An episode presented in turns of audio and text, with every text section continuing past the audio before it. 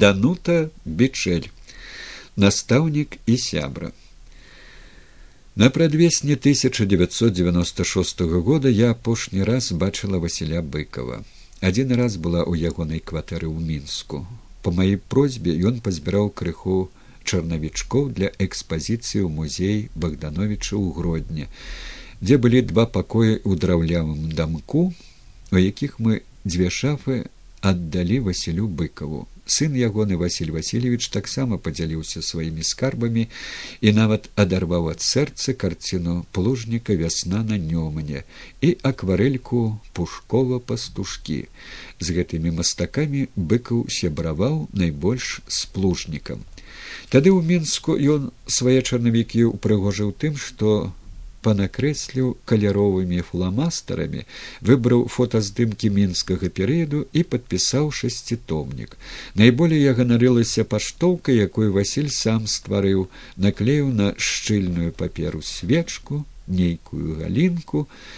Тады у мінску мы паразмаўлялі за гарбатай пра ўсё. Шчыра паважна як у далёкія гады маладосці. Прыгадалася як прыемна размаўляць з філосафамі. Яны апавядаюць пра падзею якіх удзельнічалі галоўнымі героямі. Так нібыта іх там зусім не было. Цешылася я што василь застаўся такім якім ведала яго ў гродня мне гэта было вельмі патрэбна Праз год на пачатку лета ехаў ён з Еўропы праз гродна і зайшоў у музей Масіма Богдановича, размаўляў з чаботам. Я ездзіла ў мінску той дзень. Падумалася тады, што нават добра, што мы размінуліся, бо мы ж даўно ўжо размінуліся. 3 снежня 2002 года Васіль быкаў пазваніў мне, не ведаю з якога места павінжаваў з днём нараджэння. Пасля я слухала его голас парадую свабода а сню яго таго даўняга гродзенскага. Двадцать сёмага ліпеня мінулага года у гродзенскай фары адбылася святая імша па васілю быкаву. Чаму так позна? У касцельным журнале усе папярэднія нядзелі былі запоўнены На імшы было шмат прыхільнікаў быкова. Увечары мне пазванілі з той забытай мною, але спраўна працуючай магутнай канторы. У мяне нават хапіла цярпення быць фармальна ветлівай. Бачце, мілы, вы ўспамінаеце быкава з болем адрастання з ім. А я яго ўспамінаю з далёкага мінулага, калі ў канцы 1977 года ён пакінуў гродна, я выкрасліла гэтага мілага чалавека са свайго сэрца. Ён мусіў застацца толькі пісьменнікаў, кнігі якога я чытала, выбіраючы для гэтага вольны час, каб не крыўдзіць дзяцей, каб дома быў запас простай ежы. Яго аповесці трэба увабраць у сябе і неяк выйсці з гэтага жывой. Быкаў паехаў згродна на ўсход, адкуль прыехаў, а логіка падказвала, што згродна трэба выязджаць на захад выезд быкова я перажыла як нервовае заламанне увесь час чакала што нехта лупане мяне чаргой з-за вугла або ў спіну. Лупілі словамі але не гэта было найгоршае а тое што трэба было жыць далей без быкова у пустым горадзе. І страшна было сустракацца з надзеяй андреевнай першай жонкай быкова. Але трэба было. Алексей карпюк сказаў не пакідайма яе бо як пры ёй не будзе нас то будуць чужыя. І мы ж як сям'я і званіла мне ніна іосифовна кіркевич сяброўка і равесніцы надзеі андреевны прасіла каб я пагуляла з імі увечары каб ім не быць адным. Мы шмат вечароў хадзілі па нашых ціхіх завулках яны апавядалі пра маладосць як у надзею былі закаханы кіркевіч і быкаў кіркевіч як старэйшы адступіў у цень пакінуў яе быкаву. Такая нам была хатняя цёплая ніколі не сказала аб ім дрэннага слова. Казала што вінаватая сама што ён яе пакінуў. Пасля захварэла. У іх кватэры у доме які называлі ластаўчына гняздо бо ён стаіць на высокім месцы я была за некалькі дзён да смерці надзеі Няма ўжо і ніны кіркевіч спачывае каля мужа беларускага краязнаўцы.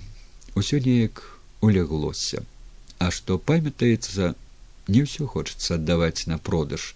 Шмат што лепей пакінуць для душы.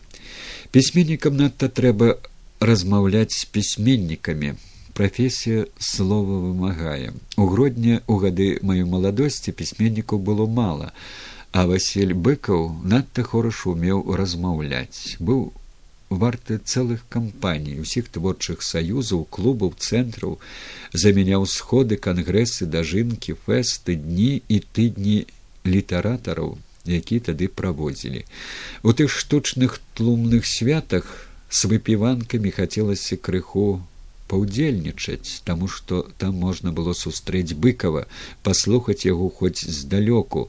Ён быў заўсёды ў цэнтры ён быў захоплены іншымі вакол яго быў натоўп. Нейкая прыцягальная харызма была ў ім. Вочы яго глядзелі з дабрынёй спакоем па-людску уважліва. Яны былі жывымі з іх свяцілася душа аж дзіўна што ён аднойчы сказаў пра володю караткевіча што прырода надзяліла таго беларускімі вачамі і валасамі. У володзі былі вочы розныя адно карае а другое шэрае. Тое самае марыя путрамант напісала у польскім эссе пра быкова што ў яго былі беларускія вочы і валасы. І гэта праўда найлепей было размаўляць з васілём сустрэўшы яго на вуліцы калі ён нікуды не спяшаўся. Такіх вулічак з ціхімі дворыкамі тады ў гродні было шмат. Цяпер яны неяк ператварыліся ў прахадныя скразнякі. Мог быкаў вылепіць з мяне нешта цікавае ў творчым плане меў на мяне моцны ўплыў. Не меў патрэбы не накіраваў мой творчы пошук толькі назіраў збоку. І ўсё ж дапамог мне. На пачатку падтрымаў тым што адпавядала майму характару. Паэтцы трэба сядзець ціха у куточку за сталом і пісаць. Не ўмела я хутаранка даражыць прыхільнікамі майго таленту. Не берагла сваіх чытачак. Васілі напрарочыў што пры жыцці не будзе ў мяне як паэткі прызнання змірылася з гэтым што пазбавіла мяне амбіцый. Адступала ўсё жыццё ў цень уступала іншым. І з рэжымам я не змагалася а рабіла выгляд што яго не заўважаю. Василь назваў неяк мяне свойскім хлопцам клікуха адпавядае маёй бабскай няўдаласці я не умела глядзець на мужчын так як умеюць гарадскія паненкі. Гаворка вачамі гэта не мой талент. Ён мяне як свойскага хлопца браў паездкі ў калгасы дзе быў дэпутатам раённага ці абласнога савета запрашаў у друскенікі дзе лячыўся лесь адамович казаў карпёк не п'е а ты свойскі хлопец я іх ціха слухала калі пачыналі раскручваць свае сюжэты страшылкі я нічога не магла там сказаць. За сталом у якім небудзь рэстаранчыку яны гаварылі пра камуністычную карычневую чуму якая страшней фашыстоўскай. Ездзілі мы ў друскенікі калі там лячыўся рыгор бярозкін гэты выдатны майстар вуснага жанру і у геніюшаў у зэльве размаўлялі васіль з янкам геніюшам ларыса антону назрэдку укліньвалася ў іх дыялог калі трэба было адкарэкціраваць погляды янкі.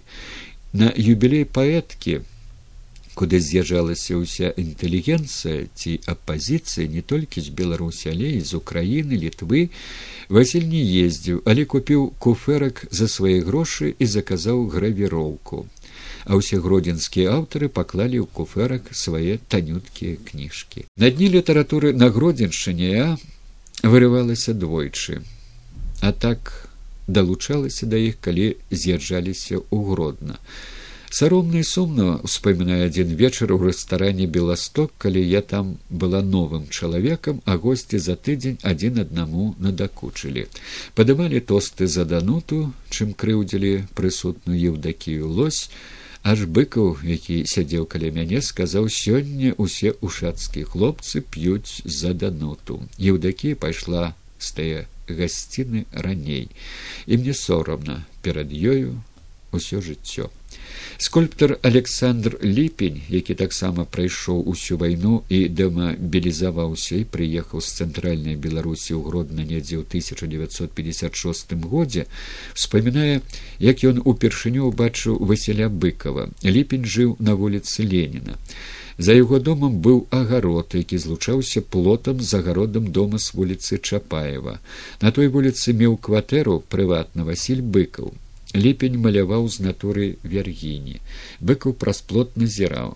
Калі сустрэліся вачамі, быкаў спытаў: « Я вам не перашкаджаю, вы мастак. Ліпень працаваў у гарачым цэху на тэц адзін. Мастацтвам займаўся як аматар і сказаў: « Я скульптар, а малюю так для душы. А ці можна паглядзець ваши скульптуры? Скульптуры былі ў драўлянай пуньцы тут жа у агародзе быкаў агледзеў іх і здзівіўся а навошта вы леніна лепіце а без леніна на выставу не бяруць яны тады так і не пазнаёміліся але праз нейкі час спаткаліся ў кабінеце чыноўніка ад культуры які сказаў ліпеню знаёмцеся гэта василь быкаў корэспандэнт гродзенскай праўды калі василь памёр у тралейбусе мяне зачапіла адна лекарка терапевт кажа я была его лечищем урачом кажу расскажите як вы яго лячылі яна а ён не прыходзіў у паліклініку зусім мы запрашэнне ему посылалі каб прыйшоў на праверку а ён не прыходзіў. Астму василь лячыў у славутага народнага лекара які рабіў спецыяльную мяшанку зёлак і шмат чаго яшчэ. Здаецца малочка або талочка яго прозвішча. Я не памятаю дакладна як першы раз убачыла васіля быкова. Са мной ён размаўляў толькі на беларускай мове. Вусная мова яго была такой жа добрай як пісьмовая. Гэта неправда што ў яго не было свайго стылю але ацэньваць прозу быкова з боку стылю не мае сэнсу. Под высокавольтнай напругай яго сюжэту не заўважаецца стыль мовы. Калі пачынаюць казаць, што быкаў не ўмеў выступаць перад слухачамі, то маюць на увазе той факт, што быкаў не спускаўся да ролі блазна, чаго часта чакае дрэнная публіка ад беларускіх пісьменнікаў, як пісьменнікаў народа парабка. Быкаў успрымаў людзей паважна і да сябе патрабаваў павагі запрасіла неяк васяля ў школу рабочай моладзі дзе я выкладала мову і літаратуру ён прыйшоў вучні прачыталі аповесць і паспрабавалі выказаць свае думкі так як бачылі падобныя ў тэлевізіі хваляваліся. Прыбег завуч на кантроль быкаў па дарозе ў школу зайшоў да зубнога і вырваў зуб. Калі замарозка пачала адыходзіць ён крывіўся бо балела а завуч вырашыў што быкаву не падабалася што вучні вучыць яго як трэба пісаць атрымала ад завуча вымову. Быкаў добра ведаў гісторыю гродна але не хваліўся гэтым. У вершы я зачапіла імя свайго святога апекуна пра якога я толькі ведала што фрэскі ў фарным касцёле паказваюць дзейнасць гэтага святога а яго скульптура у алтары ў цэнтры Васіль ведаў значна болей, што ён з Іспаніі, што да паехаў у Індыю, што там пахаваны. Так мімаволі ён расказаў пра гэта. Гэтак жа ён здзівіў мяне, калі ў размове нехта з прыезджых запытаў пра Стэфана Баторыя.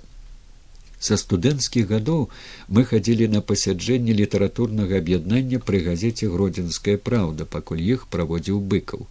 Гэта адбывалася на другім паверсе дома, дзе цяпер знаходзіцца кантора друкарні, а пакой быкава быў справа ў кутку. Там сядзела некалькі супрацоўнікаў. Лід аб'яднання грамадскую нагрузку ён вёў, каб усё было больш-менш прыстойна. Ахвотнікі пакрытыкаваць былі, дазваляў крыкунам выкрычацца. Сам выступаў у канцы, нібы нічога асаблівага не казаў, а казаў усё, што трэба было. Яго агляды знешне фармальныя мелі праграмнае ўздзеянне на ўсю дальнейшую творчасць. І лід старонкі, укладзеныя ім у тых умовах, гэта была рэгіянальная літаратура, але за аўтараў ён нічога не дацягваў, не правіў. Аднойчы пахваліў мяне, кажа, ты склала гэтую паэмку, як назбірала сунічак, высыпала іх у вядзёрка, атрымалася поўная з вяршком. Я часта ў быкавых у кватэрах не бывала, паважала іх прыватнасць. На вуліцу олега кашавога, якая цяпер вялікая траецкая, зайшла я з ларысы антонаўнай генію ж калі яе не пускалі ў беласток па тэлеграме лекару пасля аперацыі сына юркі не дала рады яе супакоіць василь супакоіў загаварыў напаіў гарбатай правёў нас да вуліцы савецкай і пацалаваў яе на развітанне у лепшую чатырохпакаёвую кватэру я заходзіл разы са два. Памятаю быў у гродна володя кудзіну і запрасіў мяне схадзіць з ім да быкова. Быкаў нас чакаў бегаў на кухню выносіў надта смачныя бутэрброды з венлімкай а пасля стаміўся і кажа у вас ребята надто добрый аппетит. Потым нечакана запрасіў нас пакатацца па нёману. У грудні была лодкавая лихаманка быкаў меў сваю маторку кудзінаму трэба было вяртацца ў мінск быкаў позваніў валенціну чэкіну свайму аружаносцу пракаціў ён тады мяне аж да мяловых гор. Цяпер іх усе выкапалі напаі там кавай з дымком. Увесь час я спрабавала напісаць верш пра лодку быкова. У 1996 годзе па дарозе ў музей, а гэта десять минут пешкі у мяне гэты верш вырас. Там лёд расстрэльвае вясна. Чакаем добрую паводку. Ужо Васілі малюе лодку, прыбег на нёман да відна. Ён выдаў кнігу не адну, адзін як нёман задумлёны, над імі каркаюць вароны, чытае свет яго вайну. А тут не свет, а блізкі свет усіх бы тут пазамяталі, тут не ў пашане Божы талент, людзей не любіць самаед. Верш я напісала, можна сказаць, прарочы, але лепей бы ўсё было іначай. Лепей бы Васіль быкаў не ездзіў па далёкіх еўрапейскіх местах, а жыў дома, быў у цяпле у шчасці. Пасля размовы з быкавым тады ў семидесятые гады я напісала вершы, якія былі працягам нашых размоваў. Гэта былі найлепшыя мае гады, але я не ведала аб гэтым на аднатомніку василь напісаў такі аўтограф няхай табе данута будзе добра і шчасліва мне ў той час было добра і шчасліва нягледзячы на нацыянальны прыгнёт на здзекі з мяне паэткі і настаўніцы беларускай мовы. На спецыяльныя праверкі маіх урокаў нягледзячы на скандалы свекрыві. Шчасце мае дваістае дно як цёзка маёй хатняй рэчкі ладгальская гаўя жанчын паэтак крыўдзяць успрымаючы нярэдка іх эмацыйнасць як сексуальную заклапочанасць. А ім трэба каб іх выслухалі пачулі зразумелі каб паважна ўспрымалі. Таму василь быкаў у маім правінцыйным жыцці быў падарункам неба.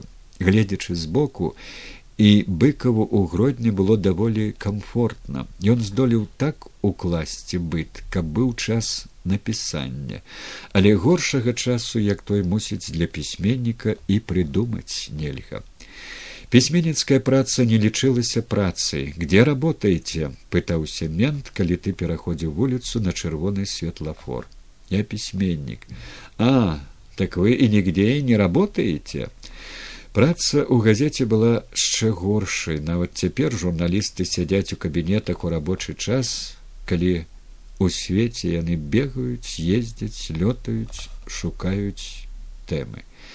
Быкава выбіралі ў саветы, хоць ён ніколі не сядзеў на сесіях і быў непартыйны. У яго былі паважаныя людзі сярод фронтавікоў, асабліва тыя, хто пісаў праўдзівыя ўспаміны. Але найболей фронтавікоў было такіх, якія быкава ненавідзелі.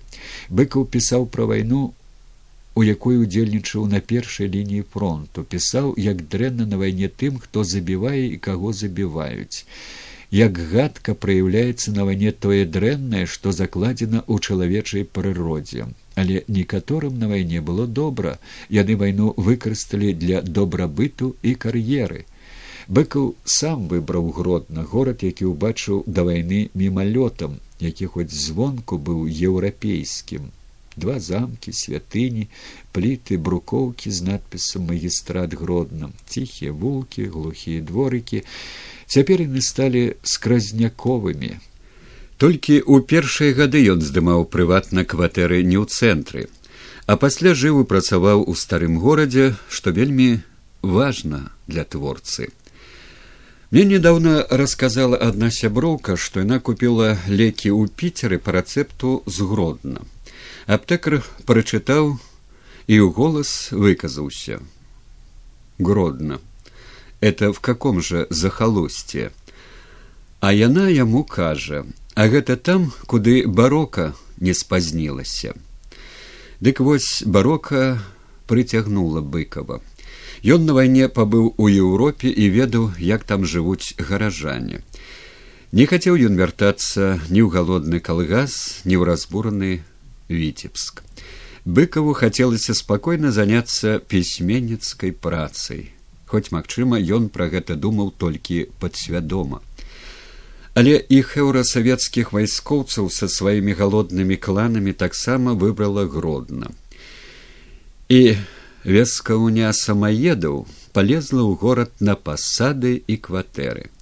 Мясцовыя палякі і габрэі каго не выбілі і не вывезлі схаваліся хто куды. Перапісаліся паціху на рускіх. Тут вайна не скончылася набыла іншую форму застарэлай прагай ахвярнай крыві. Быкаў ім падыходзіў на ахвяру але ён быў салдатам і уступіў з імі ў бой да канца. І перамогай былі усе яго кнігі якія зацікавілі вялікі свет. Чым болей яго друкавалі, чым болей аб ім пісалі ў Маскве, у Еўропе, тым цяжэй прыходзілася мясцовай партыйнай і ваяцкай хеўры. Быкаў ім быў ужо не па зубах.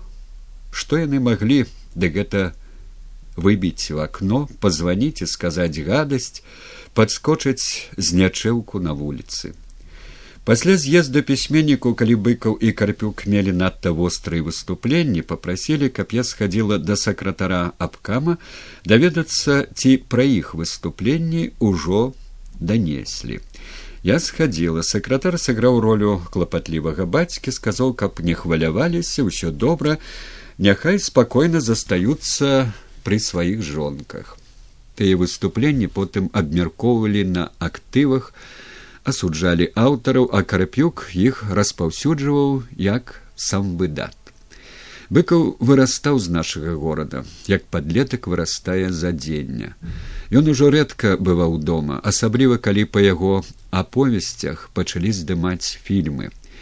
Яму не падабаліся сцэнарыі здымкі але разумеў што трэба ісці на кампраміс з сабой каб паладзіць з рэжысёрам У Маскве ён быў больш на месцы, чым у гродня.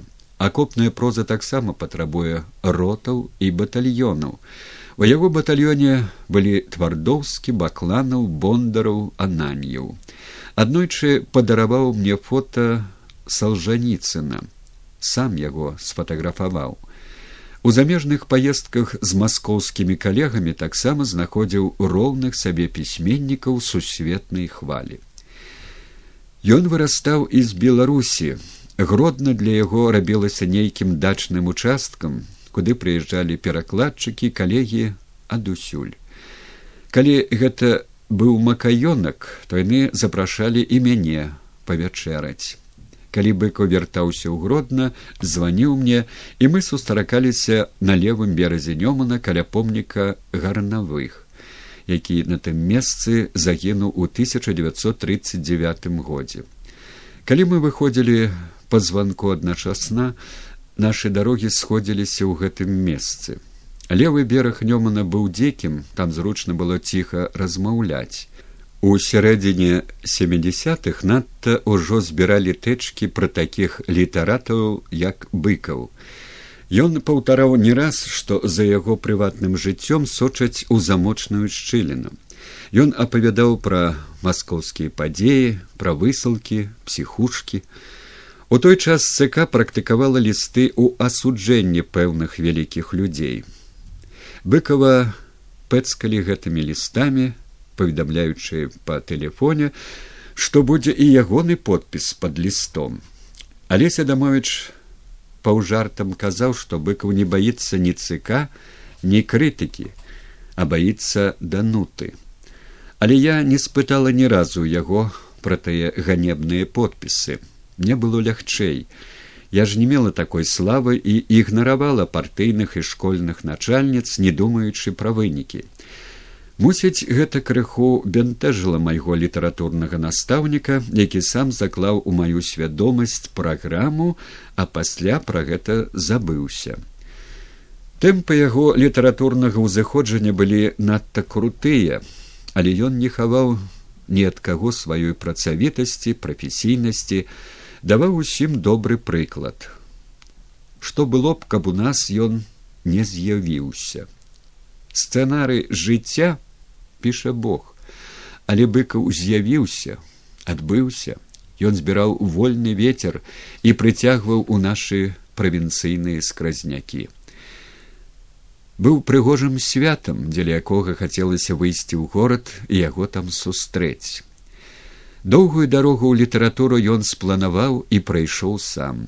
Нобелевскую прэмію мусіць у той жыццёвы праект не заклаў улічваючы што жыве не ў вольным грамадстве не ў суверэннай дзяржаве каб беларусы былі на ўзроўні сваіх суседзяў быкаў мог бы быць першым прэзідэнтам рэспублікі беларусь Ён прыехаў паміраць у мінск, бо верыў у будучыню беларусі. Народ праводзіў яго ў прытулак вечных сноў, а ён струны як купала ў ганец паэмы на куццю, видзеў, што яны ўсе жывы, аддайце славу нашу нам. Іх вусны бледныя шапталі. Суправаджалі яго да Бога святары абодвух каталіцкіх абрадаў гэта прароцтва будучай рэлігіі у воскрэслай беларусі. У гродні расце дуб пасаджаны васілём быкавым які аберагаюць ягоныя ўнукі яго жывая кроў няхай прадаўжаецца іх род і дае свету новых геніяў ядная беларусь